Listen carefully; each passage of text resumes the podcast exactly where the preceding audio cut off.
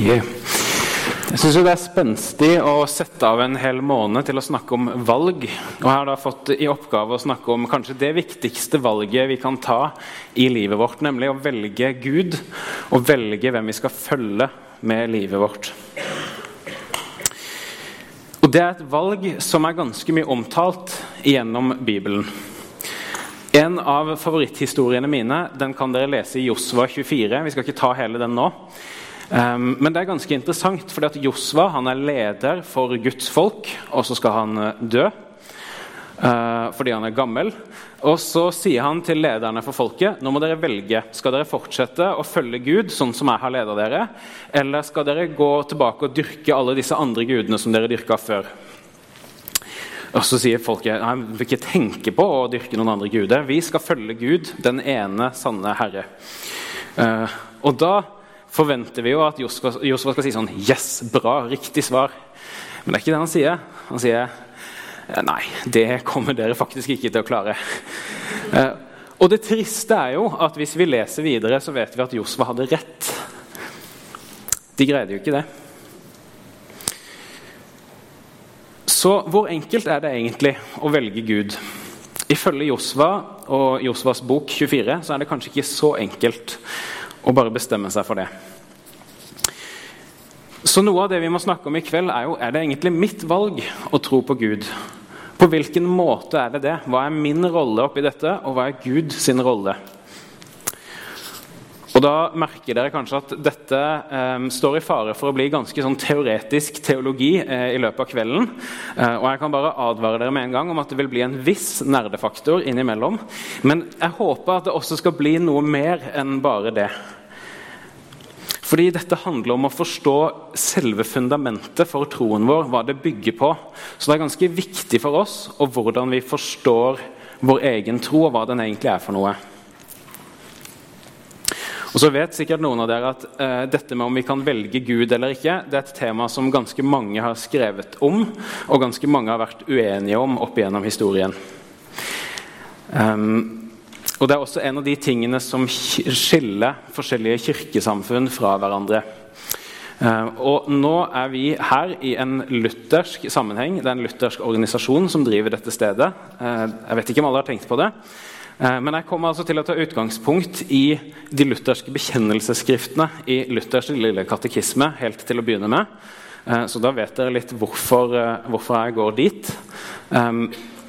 Det er noen som har tenkt på dette før, og det er greit å bruke det de har sagt, eh, til å finne en vei inn i denne tematikken.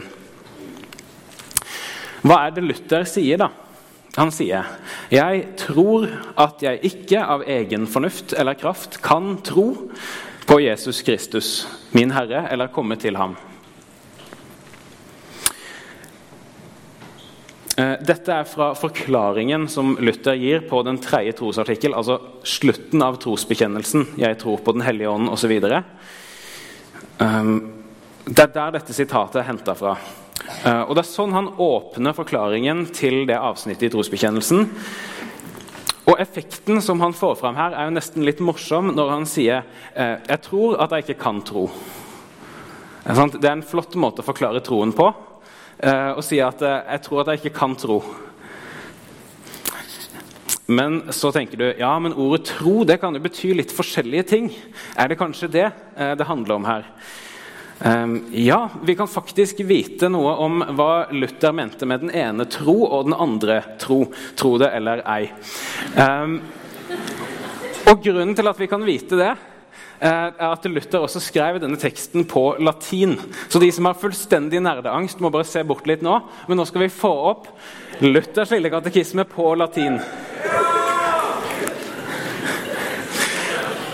Og Hvis ikke du følte at det ble klarere nå, så vil jeg bare påpeke at de to ordene som er understreka, de betyr tro, og de ser forskjellige ut.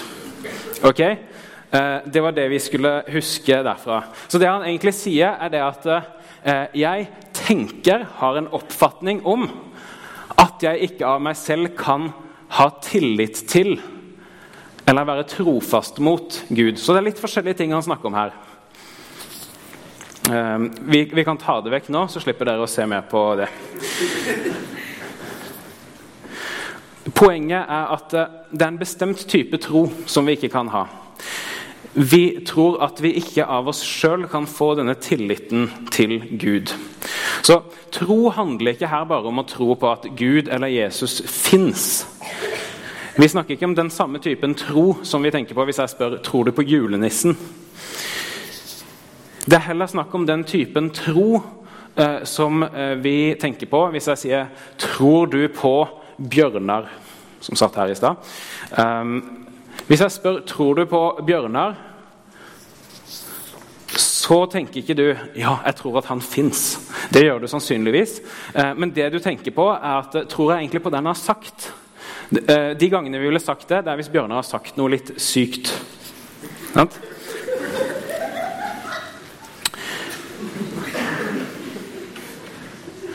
Og Hvis det er den typen tro det er snakk om, å ha tillit til noen, så er det heller ikke så vanskelig å skjønne hvorfor vi ikke kan få det av oss sjøl. Jeg vet ikke om du har prøvd hvis du skal få venner, og bare bestemme deg for at jeg skal ha tillit til den personen. Sånn, dette er noe som skjer mellom oss når vi møtes og har noe gående sammen.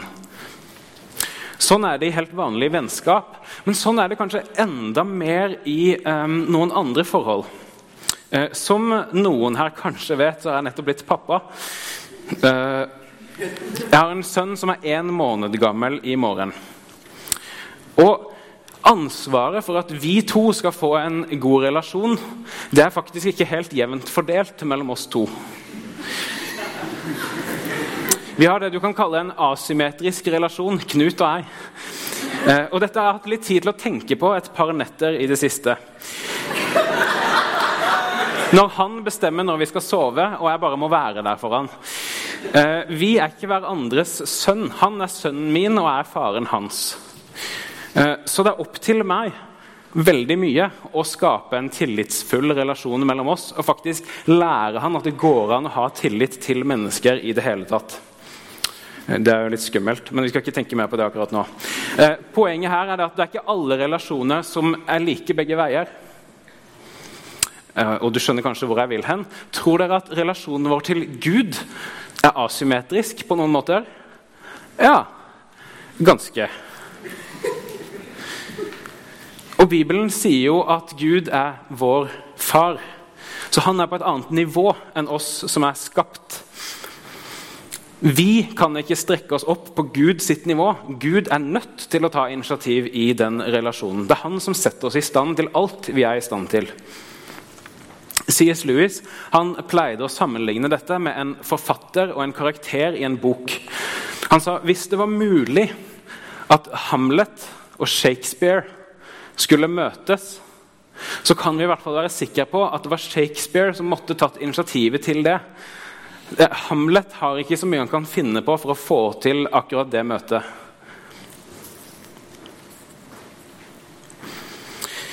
Så bare fordi at Gud er så veldig annerledes enn oss, mer enn vi kan forstå, så er det ganske utenkelig at vi skulle være i stand til å ta initiativ til en relasjon med Han. Strengt tatt så kan vi spørre oss er det noe som helst vi kan gjøre i egen kraft når vi møter Han som har gitt oss alt vi er og har og er i stand til. Og så er det enda en grunn til at vi ikke av egen fornuft og kraft kan tro på Gud.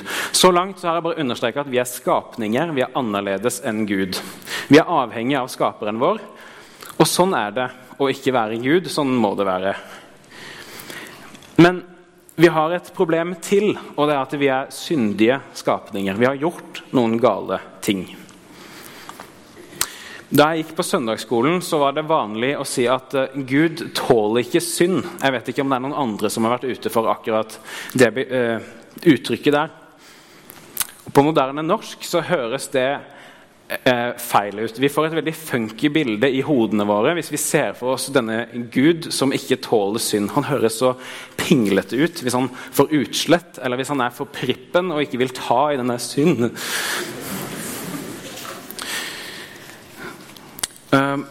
I gamle dager så betydde ordet 'å tåle' noe som ligner litt mer på å tolerere. Kanskje kommer vi litt nærmere hva dette egentlig handler om da. Eh, for det som skjer når synd møter Gud, er faktisk ikke at Gud har et problem, men at synden har et problem. Uh, big time. Uh, og det er ikke fordi at Gud er så fæl, men det er fordi Gud er så god. Tenk på en mørk flekk. Den tåler ikke å komme fram i lyset uh, fordi den blir opplyst, og da er den ikke lenger. Det er ikke Gud, den gode, som det er noe feil med her. Eh, det er den onde som innbiller seg at den kan fortsette å være ond når det er Gud, den gode, som lar alt eksistere.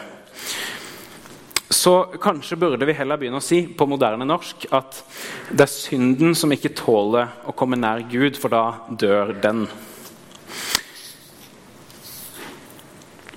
Uansett. Vi er begrensa, vi er skapninger, vi har misbrukt friheten vår, og vi har synda mot Gud og mennesker. Så vi tåler ikke Guds nærvær. Vi dør av det. Eller det er i hvert fall den situasjonen vi er i i oss sjøl. For det vi har lest så langt, det handler om hva vi er i stand til ut av egen fornuft og kraft. Og det er ikke så veldig imponerende.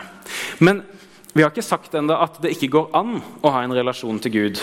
Vi har bare sagt at vi er helt, helt avhengig av at det er Gud som tar initiativet og retter opp og får oss på rett kurs. Og det er da vi tenker Sier kanskje Luther noe mer enn dette? Kan det hende at setningen ikke stopper der? At det er mer å si jeg tror at jeg ikke av egen fornuft eller kraft kan tro på Jesus Kristus, min Herre, eller komme til ham, men Den hellige ånd har kalt meg. For troen vår den skapes av Den hellige ånd. Så det handler ikke om hva vi kan få til, men det handler om hva Gud er i stand til å få til. Det er helt opp til Gud om dette skal skje. Og da kjenner jeg at jeg kan bli litt urolig, for jeg skulle på en måte ønske at det var litt opp til meg. Um, og det som gjør meg urolig, er jo Hvis troen bare er en gave som blir gitt til meg, hvordan kan jeg vite at jeg da er en av de heldige som får den? Hvordan kan jeg vite at Ånden faktisk vil kalle akkurat meg? Men det er akkurat på dette punktet at jeg syns det er befriende å få lov til å være lutheraner. Lutheranere tror nemlig det som eh, folk også pleide å tro før reformasjonen. At Den hellige ånd ikke jobber på en hemmelig eller usynlig måte, men at Den hellige ånd jobber på noen forutsigbare måter. Fordi setningen er fortsatt ikke slutt. Eh, det er en veldig lang setning, nemlig. Eh, Den hellige ånd har kalt meg ved evangeliet, opplyst meg ved sine gaver, helliggjort meg og holdt meg fast i den sanne tro. Er bra? Den hellige ånd skaper faktisk tro overalt der evangeliet forkynnes, og der Guds gaver, dåpen og nattværen deles ut. Så dette kallet til å tro det er ikke noe som Gud holder tilbake og er gnien med, eller som uh, er usynlig og hemmelig og som er vanskelig å finne fram til. Det fins på noen konkrete steder. Det fins noen måter å oppsøke Guds nåde på, sånn at troen vår kan styrkes. Og Helliggjørelsen den blir også med eh, her. Fordi det er også noe av det som skjer med oss når det skapes tro i oss. Når vi begynner å tro på Gud, så tror vi også at vi burde ta det han sier, på alvor. Det var vi innom i stad når vi sier 'Tror du på Bjørnar?' Hvis Bjørnar sier 'Hei, det brenner, alle må ut', eh, så kan du enten si 'Jeg tror på han', eller så kan du gå ut Nei, jeg tror ikke på han. Eller så kan du, si, eller så kan du gå ut av rommet. Det ble litt utydelig. Du kan enten si 'Det tror ikke jeg noe på', eller, kan si, eller så kan du gå ut av rommet. Det gikk nesten. Det som er litt rart, er hvis du sier 'Ja, ja, jeg tror på det', men jeg bare sitter her. Eh, det virker veldig rart. Eh, så hvis du tror på noen, så er du interessert i å høre hva de syns du bør gjøre med livet ditt. Og da følger dette med helliggjørelse og begynne å gjøre det Gud har sagt, med på lasset når vi tror. Så, Når Ånden skaper tro i oss, så er ikke det noe virkelighetsfjernt og mystisk som vi ikke kan eh, liksom få tak i. Hvor skjer dette egentlig? Men det skjer når vi samles om forkynnelse og nattvær. Og det går an å se det på liv som blir forandra. Fordi vi blir helliggjorte og stødige i troen. Og akkurat det tror jeg kanskje vi har et problem med noen ganger. Jeg tror vi trenger å snakke litt mer om dette som har med åndelighet å gjøre. Greier vi egentlig å tro på dette? I noen deler av verden eh, så tenker man at eh, det gjemmer seg en ånd i hvert eneste tre og stein osv. Og så sitter vi her i Vesten og tenker at det, det der er litt barnslig og primitivt. Det åndelige må være noe høyere og edlere enn alle disse konkrete tingene rundt oss i verden.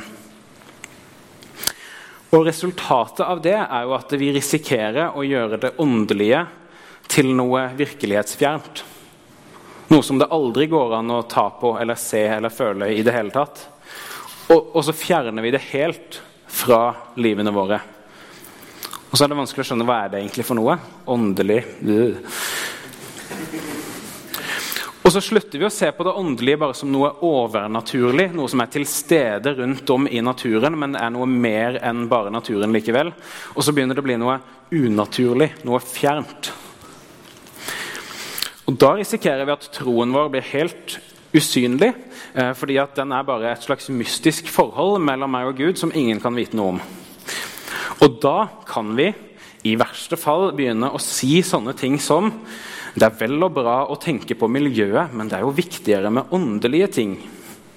Eller det er vel og bra å hjelpe folk i nød, men det nytter jo lite hvis ikke de også får høre om Jesus. Som om det å ta vare på naturen eller å mette sultne mager ikke hadde noe å si, som om det ikke hadde noen åndelig verdi. Bibelen lærer oss ikke å tenke på det åndelige som noe helt annet. Bibelen kan være provoserende konkret om hva vi burde gjøre for å være åndelige. Hør hva Johannes sier i sitt brev. Den som sier 'jeg elsker Gud', men likevel hater sin bror, er en løgner. For den som ikke elsker sin bror, som han har sett, kan ikke elske Gud, som han ikke har sett. Johannes er beinhard. Du må begynne med det konkrete og det nære. Ikke prøv å gjemme deg bak at jeg har en avansert åndelighet Eh, så jeg har bare et godt gudsforhold. Hvis du ikke greier å elske, altså gjøre godt mot menneskene rundt deg, så er det også noe i veien med forholdet ditt til Gud. Så Unnskyld.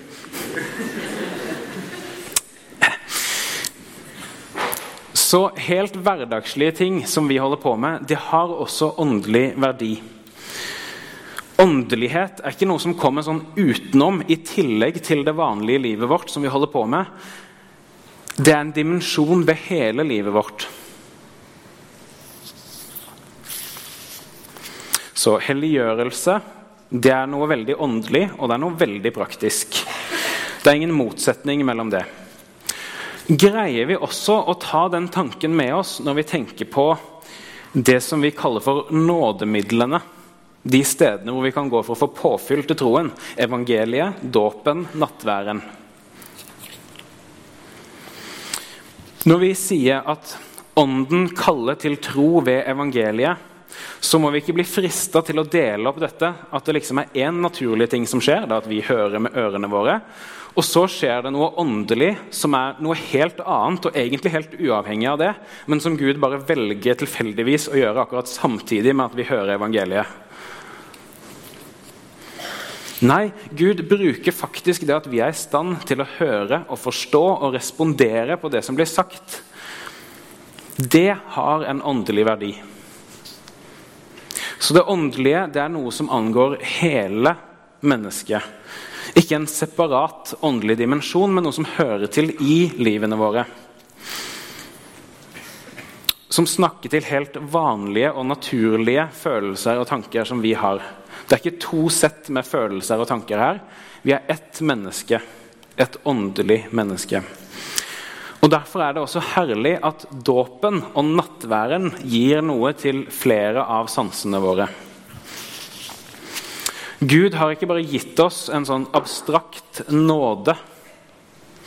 Og Han har heller ikke bare gitt oss en nåde som vi kan høre om når vi kommer på møte, men han har gitt oss en nåde som vi kan spise og drikke for å få styrke til uka som kommer.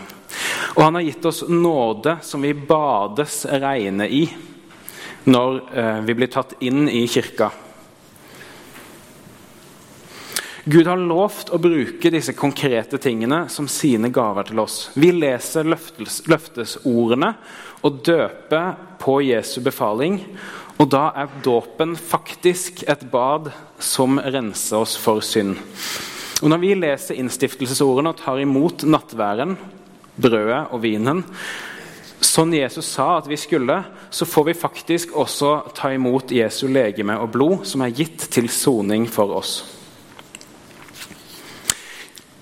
Jeg vet ikke om noen andre har vært ute for dette, eller om det bare er meg. Men noen ganger så blir jeg mer opptatt av hva jeg føler, enn hva som faktisk skjer. Når jeg skal fram for å ta imot nattvær, så kan jeg tenke at eh, nå skal jeg konsentrere meg om hva nattværen er for noe. Og skal jeg følge skikkelig godt med, og så skal jeg kjenne ordentlig etter, sånn at dette virkelig gjør noe med meg. Uh, og så her er det jo gjerne sånn Man kommer fram, og så står man i en ring. Uh, og så, mens jeg står der, så legger jeg merke til at oi, de er skikkelig flinke til å gå i takt, de som uh, kommer fram for å levere ut her. Og der er en person som har en utrolig rød genser. Og i morgen skal det regne. Og, så, og, så, har vi det gående, og så står du der plutselig med en tom plastkopp, og så skjønner du at det er slutt. Uh, og at du ikke fikk med deg Altså Jeg vet ikke om det er noen andre som kjenner seg igjen i dette, men jeg har vært der. Og da tenker jeg, Hva er greia med å legge alt fokuset Litt fokus, kanskje greit, men alt fokuset på min konsentrasjon og mine følelser rundt det som skjer? Som om det var det åndelige eller det verdifulle med det som skjedde nå.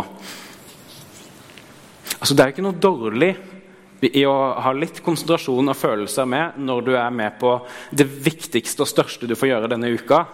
Eh, så det er bra å følge med når du tar imot nattværen, men det er ikke det som bestemmer om dette har en åndelig effekt. Er ikke det kanskje Guds løfte om at det har det? Og Dessuten så burde vi kanskje ikke bli overraska om den 762. gangen du gjør noe, er litt mindre spesiell enn den første. Så det er jo flere ting her. Det er kanskje ikke naturlig å kjenne like mye på alt alltid. Hva er det viktigste? At jeg får ta imot nattværen, som Gud har knytta løfter til? Eller at jeg greier å føle at dette er åndelig og annerledes? Jeg tror jammen det funka. Så jeg håper det er en utfordring som vi kan ta med oss i dag og faktisk stole på at Gud gjør det han har sagt at han vil gjøre. Tro at han skaper tro i oss når evangeliet blir forkynt. Tro at dåpen og nattværen er hans gaver til oss. Og at vi ikke trenger å jakte på en eller annen følelse, en eller annen fjern åndelighet som ikke har noe med det vi faktisk holder på med her og nå å gjøre. Dette kan nok variere, men jeg tipper at det fins flere enn meg der ute som burde konsentrere seg litt mindre om hva vi føler på gudstjeneste, og litt mer om å faktisk komme seg på gudstjeneste.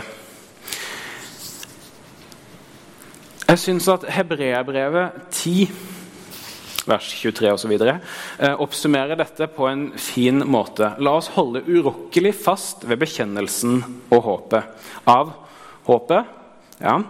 Eh, for Han som ga løftet, er trofast. La oss ha omtanke for hverandre, så vi oppgløder hverandre til kjærlighet og gode gjerninger. Og la oss ikke holde oss borte når menigheten vår samles, som noen har for vane. La oss heller oppmuntre hverandre, og det så mye mer som dere ser at dagen nærmer seg. Dette smaker ikke av noe sånn fjern åndelighet eller føleri, men av praktiske ting som vi er nødt til å gjøre for å bygge gode fellesskap der troen kan vokse.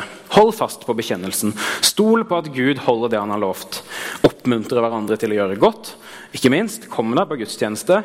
For vi skal være sammen og jobbe målretta sammen og oppmuntre hverandre mens Kristi dag nærmer seg.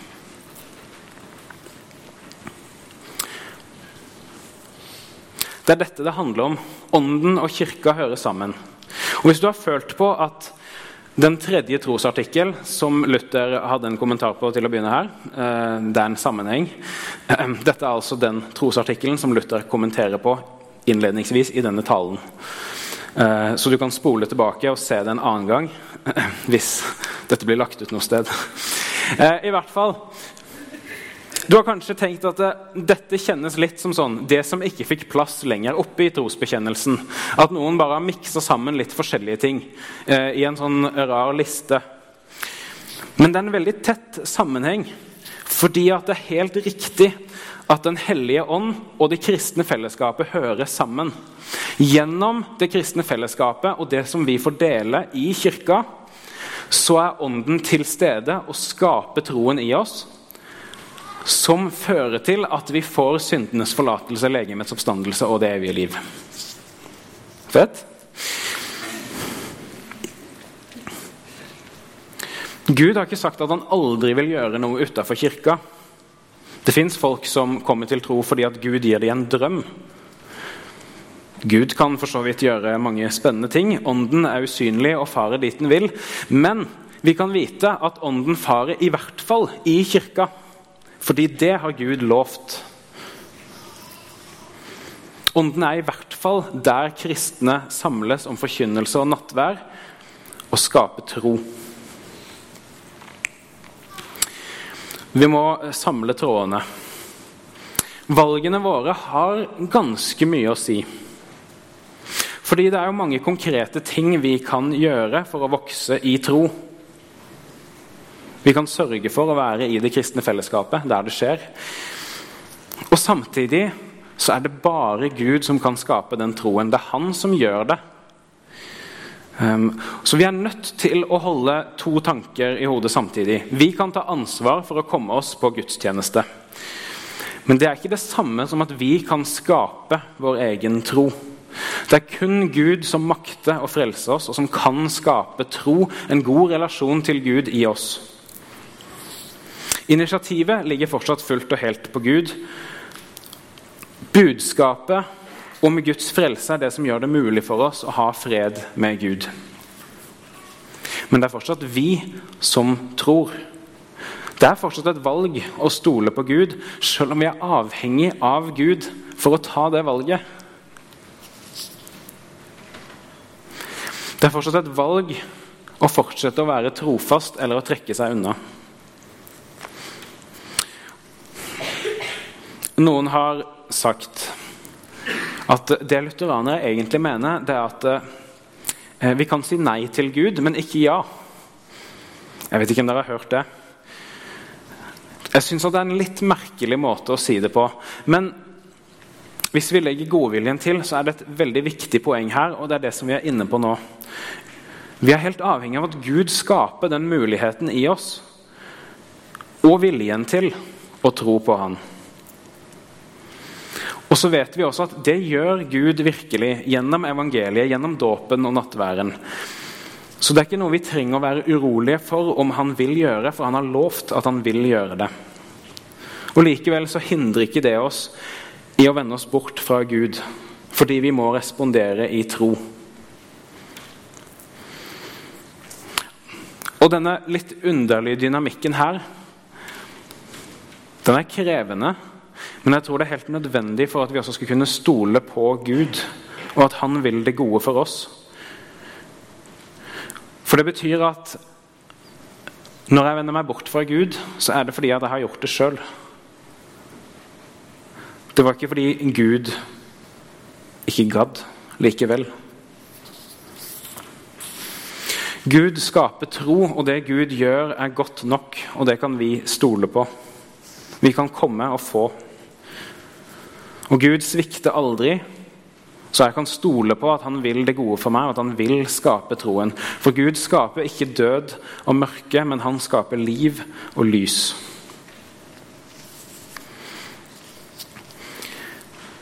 La oss be. Gud, takk for at du ved din sønn Jesus Kristus har åpenbart din frelse for oss. Takk for at du ved din ånd kalle oss til tro ved evangeliet og opplyse oss med dine gaver. Gi oss alle en trygg og stødig tro, så vi fortsetter å vokse i kjærlighet og hellighet sammen med hele de kirke. Velsign og bevar oss til det evige liv. Dette ber vi om ved din Sønn Jesus Kristus, vår Herre. Amen.